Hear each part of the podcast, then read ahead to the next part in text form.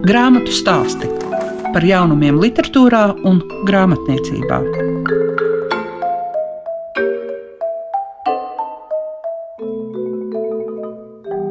Grāmatu stāstu laikā kopā ar Liegu Piešiņu jūs atvērsit gan Pētera Brūvera raksti un domāraksti, gan arī Lies Guļevskas grāmatu Mihails Kublīnskis Lielais noslēpums. Grāmatu stāsti programmā Klasika. Ubruks bibliotekas vadītāja Daiga Brigmana ir tā, kas mums atvērs dažas emocionālas situācijas, kas ir saistīta ar Pēteru Brūveri. Tādu rūpi, kā šī biblioteka veids saistībā ar šo mums tik mīļo dzinieku, ir diezgan apbrīnojama. Jo nu jau tiek gaidīts trešais kalendārs, kas ir no aprīļa līdz aprīlim, kas ir saistīts ar Pētera Brūvera notikumiem dzīvē, un katreiz tas ir mazliet savādāks, bet aizvadītā perioda lielais padarītais darbs ir arī raksti un domraksti. Pēters Brūveris.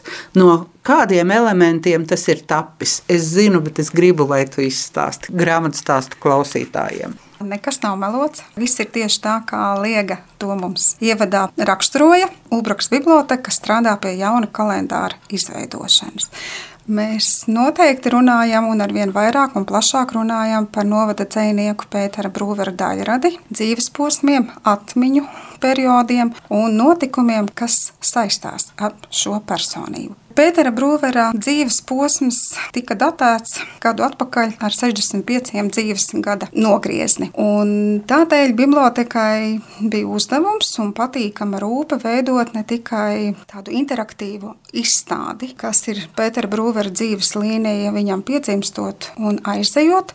Kā turpinājumu biblioteka šajā dzīves līnijā saskata šobrīd organizētās dzīves dienas, bibliotekāru talkas un daudzus citus notikumus. Dzīves līnija dziniekam ir bijusi ļoti daudzšķautnaina, vizualizējama gan tekstos, gan muzikālos uzvedumos, gan arī tādos raksturu lielumos, kas ir patiesībā lielākais viņa nopelns rakstītais vārds. Mēs zinām, ka, lai taptu rakstu krājums, mums nepietika izveidot tikai šo izstādes materiālu, bet mūsu uzstādījums bija radīt jaunu dokumentālu apliecinājumu nepublicētai vai neapzinātai dzinieka cilvēka daļradēji. Tāpēc tika organizēta arī literatūras konference ar nosaukumu Pēters Brūvers raksti un domraksti, lai uzstātos ne tikai literatūras zinātnieki, kas tika pieaicināti izpētīt Pētera Brūvera vēl nezināmās lietas, gan vietējās skolas vidusskolnieku un ļoti lielu no, nozīmi šajā darbā un rakstu krājumu izdošanā veltīja arī bibliotekas. Negluži novada bibliotekas ar, ar Pētera Brūvera bibliogrāfisko daļu strādāja Nacionālās bibliotekas kolektīvā kolektīvs ar atmiņu stāstiem par Pētera Brūveru zināja stāstīt gan Valks centrālās bibliotekas, novadpētniecības bibliotekas darbinieki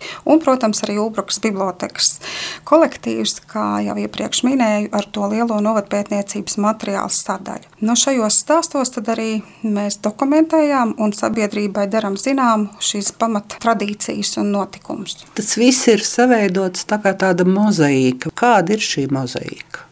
Manuprāt, mozaīka pēc definīcijas nebūs vienveidīga.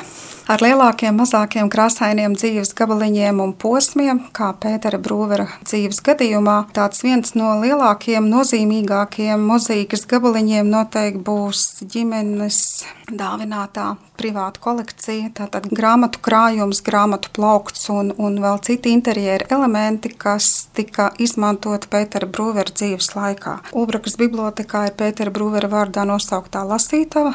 Un arī šī privāta kolekcija, ko atkārtoja ģimenes locekļi, dzīves biedri un meitas, ir dāvinājuši Sulbrukas bibliotekai. Kopējais dokumentu skaits ir 346 izdevumi, no tiem 310 monogrāfiskie izdevumi un arī periodiskie izdevumi.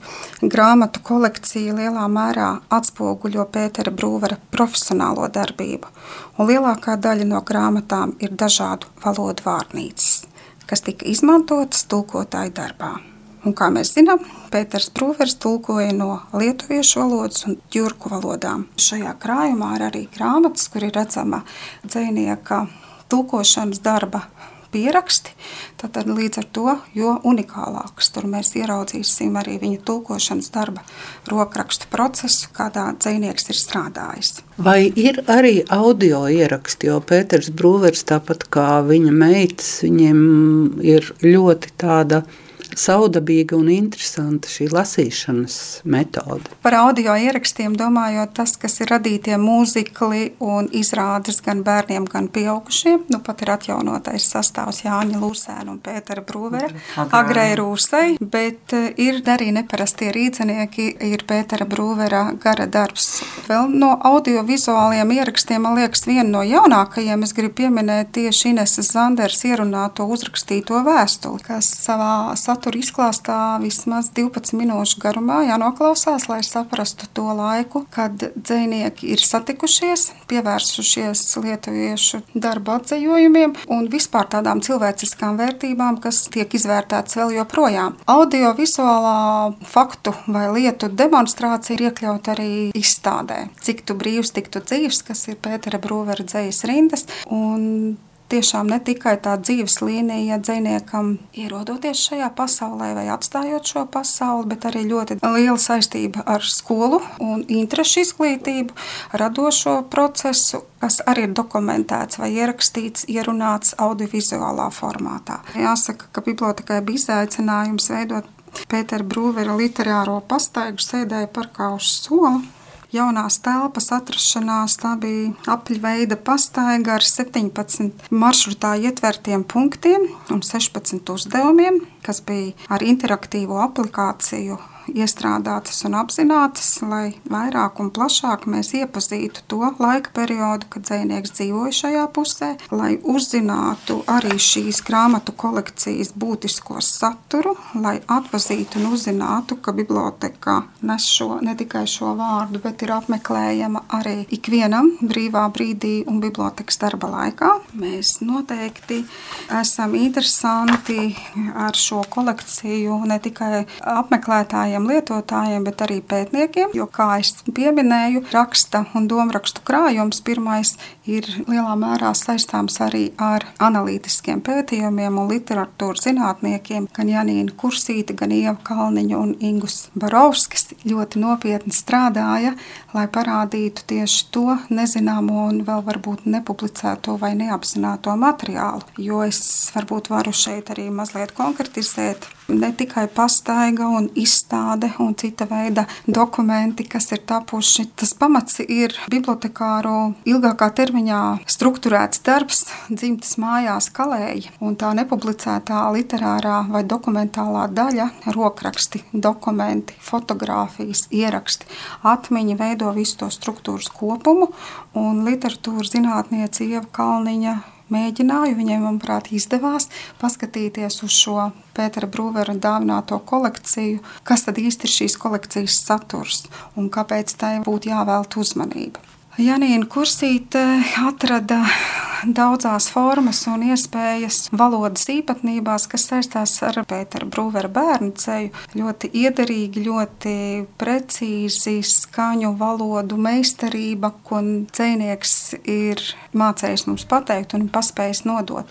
Savukārt Ingus Parovskis dziļi filozofiski, zinātniskā traktējumā paskatījās uz Pētera Brūvera pirmo dzējoļu krājumu. Tātad rakstu kopējā esence ir apkopotā bibliogrāfija, kas ir ļoti plaša un daudzpusīga dziniekam, gan literatūras zinātnisko rakstu pētījumu, skatījums, gan arī vidusskolnieku līdzdalība ar to redzējumu, kā viņš šodien lasa, kā viņš šodien redz, un ko viņi izlasa, un, ko viņi izlasa un kas viņiem ir saistoši. Es aicinu interesantus braukt uz Ulbrakas biblioteku, iepazīt Pētera Brūvera vārdā nosaukto lasītavu, skatīties kolekcijas materiālu un uzdot jautājumus bibliotekāriem klātienē, jo Tikai tā mēs varam ieguldīto darbu padarīt saprotamu un kādam ļoti, ļoti vajadzīgu. Grāmatu stāsti tiem, kam grāmatu lasīšana ir vērtība. Grāmatas stāstos jūs tūlīt varēsiet dzirdēt Liegu Ļevsku, un tā tēma ir kārtējā grāmata, laikam šobrīd jaunākā, kas ir par Kublīnski. Man kur pēc skaita, jā, tik neticam, ka man pašai neticās. jā, tā tad grāmatas nosaukums Mihails Kublīnskis lielais noslēpums. Trīs gadus jau Kublīnska nav vairāk mūsu vidū, kas bija tas, kā vispār sākās tā iecere. Visbēdīgākā iespējamā vietā kapos pavadot Miķeli, aprokot urniņu ar viņu pelniem, Pēc tā lielā pārtraukuma arī, jo viņu atrada martā un apglabāja Miķeļdienā, septembra beigās, un kad viņš aizgāja, to neviens nezina, tikpat laba Ziemassvētkos tas varēja būt. Īsi sakot, noslēpums bija visu mūžu, un arī beigas bija absolūtā noslēpumā tītas. Uzrunāja man Mārcis Manjakovs kapos, lieta tev jātais par Miku grāmata. Un es tajā apmulsumā viņam atbildēju, ja tu man palīdzēsi. Un tad, kad visi jau bija aizgājuši, es vēl piegāju pie mammas pieminekļa, viņa apglabāja. Es vēl parunājos, es teicu, nu tagad tev man jāpalīdz, ir tā, lai iznāk godam. Tiešām nu, es apņemos, ka es to darīšu pēc labākās sirdsapziņas, jo es Miķeli pazinu no ļoti agras jaunības. Es strādāju kultūras namā draudzība, viņš tikko bija absolvējis konservatorijas spoži ar savu diplomu darbu, lai viņš iet prom. Lietuviešu autors Kanovičs bija ar spožu aktieru ansamblu, visas meistars bija paņēmis pats uz uztraucies līdz nejēgai, bet neizrādīja. Kultūras nama draudzību direktors bija tāds soķņiks, tāds ļoti, ļoti apsviedīgs ebreju tautības vīrs, kuram tas kultūras nams faktiski bija viens no labākajiem Rīgā. Viņam bija slavenais mazo orķestris ar Brunoju, un cilvēku uz dejām plūda ne tikai no Rīgas, bet no tuvākās un tālākās apkārtnes. Un viņš izdomāja, ka to jauno puiku jāpaņem dramatisko pulciņu, lai viņš vada. Un puika arī piekrita, un mēs tu tā kā tāds pulciņš bijām, un ko bija sākusi strādāt par bibliotekāru, un arī, protams, pieteicos tajā pulciņā jā, no sākuma bijām daudz, beigās viņš bija tāds stiprs, stingrs, lai gan arī ļoti atsaucīgs un laipns, ka tur tā kā puiši tā kā pazuda diezgan ātri, sakot, no panas duļskas morāles, beigās izveidojās savu jā, ar vāciešu dzējas kompozīciju vakars. Mēs palikām sešas, katrai bija pa diviem dzējoļiem, mēs dabūjām pirmo vietu oktobra rajonā, kur toreiz draudzības skaitījās Sarkandogavā, un pēc tam dabūjām pirmo vietu Rīgā un uzstājāmies mazajā ģildē finālā. To lielo zūrī vadīja jau Zanis Katlaps, kurš es vēl tagad atceros, spieda Miķelim roku, un viņš jau redzēja, ka tas viņa puika no teātra un apsveica, un mēs bijām lepni, ka mēs to panācām, un kad viņš dabūja to diplomu, ka mēs dabūjām, bijām ļoti laimīgs un pacietīgs un pagodināts un visādā ziņā apsviedīgs tas viss notika, tas notikums. Bet tas prasīja diezgan lielu darbu. Viņš ar mums ņēmās bezgalīgi, kultūras namam bija milzīga zāle, viņš gāja pie pēdējās sienas, mēs uz skatuves ar gaismām, viss un katru skanu, katru ir, un, un tad, kad bija jāsāk veidot šo grāmatu, es iedomājos, ka man kaut kur ka ir viens no tiem dzējoļiem ar mikus padomiem, kā viņš jārunā. Tas bija Ojāra vāciešu dzējolis, tikko aizgāja fronte. Tad, kad es viņu ieliku grāmatā, jo es pārmala visu māju un atradu tikai tad, kad es vairs nemeklēju. Kā parasti apstiprinājās, viņi pēkšņi man izkrita tā kladīt. Un tad es vēl nezināju, cik aktuāli tas būs tad, kad šo grāmatu iespiedīs. Ar visu ārprātu, kas notiek Ukrainā, un arī vācietiem tas zejos ir ļoti, ļoti emocionāls. Ar vācakot deg māja, uz elektriskajām krātīm sēž bezdalīgas, noskatās, kā sadeg viņu līgzdes, un tad, kad tas viss jau ir pēdējā uzliesmojumā, tad viņas arī pašas lido iekšā un kopā ar bērnu bērniem sadeg. Diezgan traks dzīslis. Tad, kad es jau sāku strādāt radiofonā, man jau, protams, tā pieeja uz Miku bija drusku vieglāka. Un, protams, ka es izmantoju to, ka es viņu jau pazīstu drusku tuvāk, un ar gadiem tas tikai nostiprinājās. To varēja uzskatīt par draudzību pa gabalu, jo viņš klāt sev nevienu nelaida. To apstiprina ļoti daudz viņu kolēģi, un tur bija noslēpums noslēpuma galā, bet ne par to ir runa. Ne arī viss viņa atklājās šai grāmatā.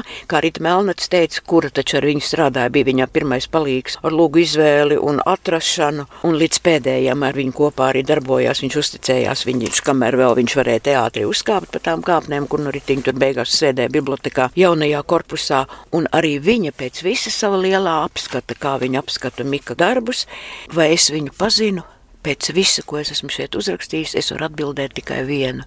Es viņu nepazinu. Bet katrs viņu drusku no citas puses zināja. Viņa mūža dueta aktrise bija Lāsma Kugrēna, un arī tas viss tikai, kā saka, darba ietvaros. Tas, ka viņš bija ārkārtīgi talantīgs, tas, ka viņš bija talantīgs arī kā aktieris, vēl skatuves strādnieks būdams, kur viņš pieteicās no sākuma par skatuves strādnieku. Kārlis Pamps jau viņam uzticēja, jau Klaidu amerikāņu traģēdijā uzticēja, jau trešajā vārdā Robertu, un vēl un vēl, bet viņa gars bija tik neatkarīgs, ka viņš saprata, ka viņš negrib pakļauties citiem, ka viņš mācīsies par režisoru un iestudēs pats. Nu, lūk, tā ir tās atmiņas tur ļoti daudz un interesants. Viņš bija liels estēts, mūziku, tērpus, dekorācijas, krāsas. Tas viss bija, kā saka, zem viņa acs, un visur viņš piedalījās un, un ņēma dalību tajā visā. Es tikai dažas nosaukšu. Piemēram, Kihnujiens vasarā Noānā abi autori atzīst, ka tas ir viņu darba labākais iestudējums. Zelta puisēns, Donžons, jeb mīlestību uz ģeometriju, Romeo un Džulieta atcālīja Hamilkāra kungs, garas dienas ceļš uz nakti, aija, bet visam kronis ir Santa Krusa, jo, kā teica Uldis Dumpis, viņš nespēja iedomāties, ka kāds jebkad to spētu iestudēt labāk, un šobrīd, skatoties teātri izrādes kamola kaklā vairs nav. Santa Krusa bija viņa kroņa gabals, kroņa gabals Cilīnskim, Burānam, nu līnē bija daudz kroņa gabalu, bet viss kopā tas bija vienkārši brīnišķīgi. Viens no viņa mīļākajiem aktieriem bija Jānis Kubilis, un Kubilis par Kublinska teica tā, uz visu teātru fona atvēlētu es vienu no pirmajām vietām Mikam, katrā ziņā pašā augstākajā rangā. Leldes stumbra dramaturģe vajadzēja dzīvot citā laikā, nepadomījā. Nu, īsi sakot, katrs jau viņu tā raksturo no savas puses, tie raksturojumi daudz viet arī sakrīt, bet par ko es esmu laimīga, ka Jānis Streičs, kurš uzrakstīja atmiņas, viņa kursa biedrs, tad, kad es viņam aizsūtīju šo grāmatu, jo viņš ir Lietuvā, viņš man pēc tam atsūtīja īziņu, Paldies, es izdarīju svētīgu darbu. Es viņam atbildēju, paldies jums visiem, to mēs izdarījām visi kopā. Par šo man es tev nevaru izstāstīt, kāds man par šo ir gandarījums. Tas pat nav prieks ir par sīku teikt. Gandarījums tāpēc, nu, ka viņa darbs paliek vienalga kādā kontekstā, bet viņš nepazūd. Filmās aktieri paliek, muziķi paliek savos skaņdarbos, režisora darbs, sevišķi teātru. Tad, kad top šādas grāmatas, tad mēs skaidri redzam, cik gaistoša ir Jā, tā pasaule, absolūti. tieši tas teātris. Īsi sakot, viss ir gaistoši. Mēs paši esam gaistoši un teātra māksla vēl gaistošāk. Un tāpēc es domāju, šī grāmata, nu viņa paliks. Paliks mājās plauktos, paliks bibliotekā, kas ir vissvarīgākais. Nu, pēc gadiem, nu, nu vismaz kāda liecība par tik milzīgu skaistu mūžu un personību un, un viņas devumu, jo teātris viņām bija dzīvība. Anna Klever pateica pareizi, teātris bija viņa dzīvība. Ne tikai dzīve, bet dzīvība. Jā, es to arī gribēju īpaši akcentēt. Arī to starpību, lai mēs apzināmies, kāda ir starp dzīvi un dzīvību. Jā. Bet ir arī tā, ka ir dažādas paudzes, kas par viņu izsakās. Jā. Jo arī viss šīs Jā. jaunās aktrises to cieņu un mīlestību ļoti var manīt. Absolūti. Gāliņa atbrauc no Liepājas, atbrauc speciāli, lai izstāstītu savus atmiņas. Madara Saldover uzrakstīja pati un, un vidējā paudze, visa Anže un Ančevskis, un arī vecākie, protams, nu, tur ir tiešām pārstāvēt visu, un Mārts Maņakovs, kuru viņš pilnīgi, kuru likteni viņš izmainīja. Starp citu, Liega, Miks izmainīja arī Sebra likteni. Līdz Kihnujenām Sebrīds bija, nu, tā, tā, Apkalpojošais personāls. Vai, jā, un pēkšņi Kihnujenā visi ieraudzīja, kas ir Sebras, un cik interesanti Valds Zilvers, muzikālās daļas vadītājs, kas bija ilgus gadus Nacionālajā teātrī, tad, kad viņš man stāstīja savus atmiņas, viņi daudz kopā ir strādājuši, Miks viņam uzticējās. Un viņš teica, tu zini, Līņa, viņš teica, es atradu tādu strēmelīti, tur ir bijis vairāk, bet es nezinu, kur tie pārējie, bet es tev atnesu to strēmelīti, varbūt tev noder. Un uz tās strēmelītes ir pierakstīti Kārļa Sebra pēdējie vārdi, ko viņš ir teicis, nospēlējot savu pēdējo izrādi savā teātrī un atvadoties no teātra. Un viņi ir pašas grāmatas beigās jau manā izskaņā. Paldies jums un paldies manam Nacionālajam teātrim, tam, kurš ir īsts teātris, un paldies manam vislabākajam režisoram Mihailam Kublinskim par manu mūžu. Un tā bija. Ar Kihnuienu viņš iedeva Sebrim pilnīgi citu elpu, citu statusu, kā saka, līdz mūža galam, un ņēmu visos inscenējumos, un, un iestudēju, un kopā strādāju. Un, un iedomājos, nu, nu laime mums visiem faktiski, ka mēs iepazinām Sebrītu arī tādu. Pats viņš sevi iepazina pilnīgi negaidītu. Tā kā milzīgs, milzīgs paldies.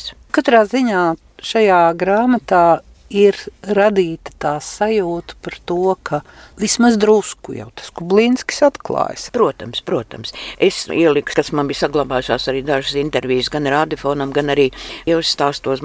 Un tās es, protams, pieliku pie savām atmiņām, un Alda Briedis mūk ir uzrakstījis. Nu, nu, tur tā gamma ir milzīgi plaša un dažādi, nu, dažādiem aspektiem. Un, un Leldas Stumbris, lūgu, viņš ir iestudējis ne tikai Nacionālajā teātrī, bet Savrimeņikā, kas savulaik bija Maskavas elitārākais teātris skaidrs. Tā kā arī tur un arī Vācijā viņš ir iestudējis darbus, viņš parādās no ļoti dažādām pusēm, kā ļoti prasīgs un arī no tādas drusku, varbūt netik patīkamās puses. Aktieri bija visatklāti, kā nu katram ir gājis. Viņam bija milzīga cieņa pret vecāko paudzi, bet nu jaunāko vienotru viņš arī padresēja. Bet, kā teica Juris Lisners, mēs zinājām to cenu, jo beigas caur ēkšķiem uz zvaigznēm. Jā, un paša dzīvē arī.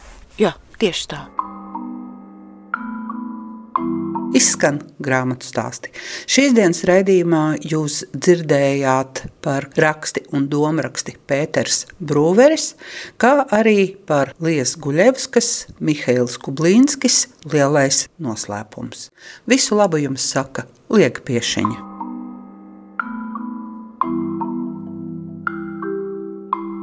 Grāmatu stāsti par jaunumiem literatūrā un grāmatniecībā ik trešdienu, 9.5. ar atkārtojumu Svētdien, 18.15.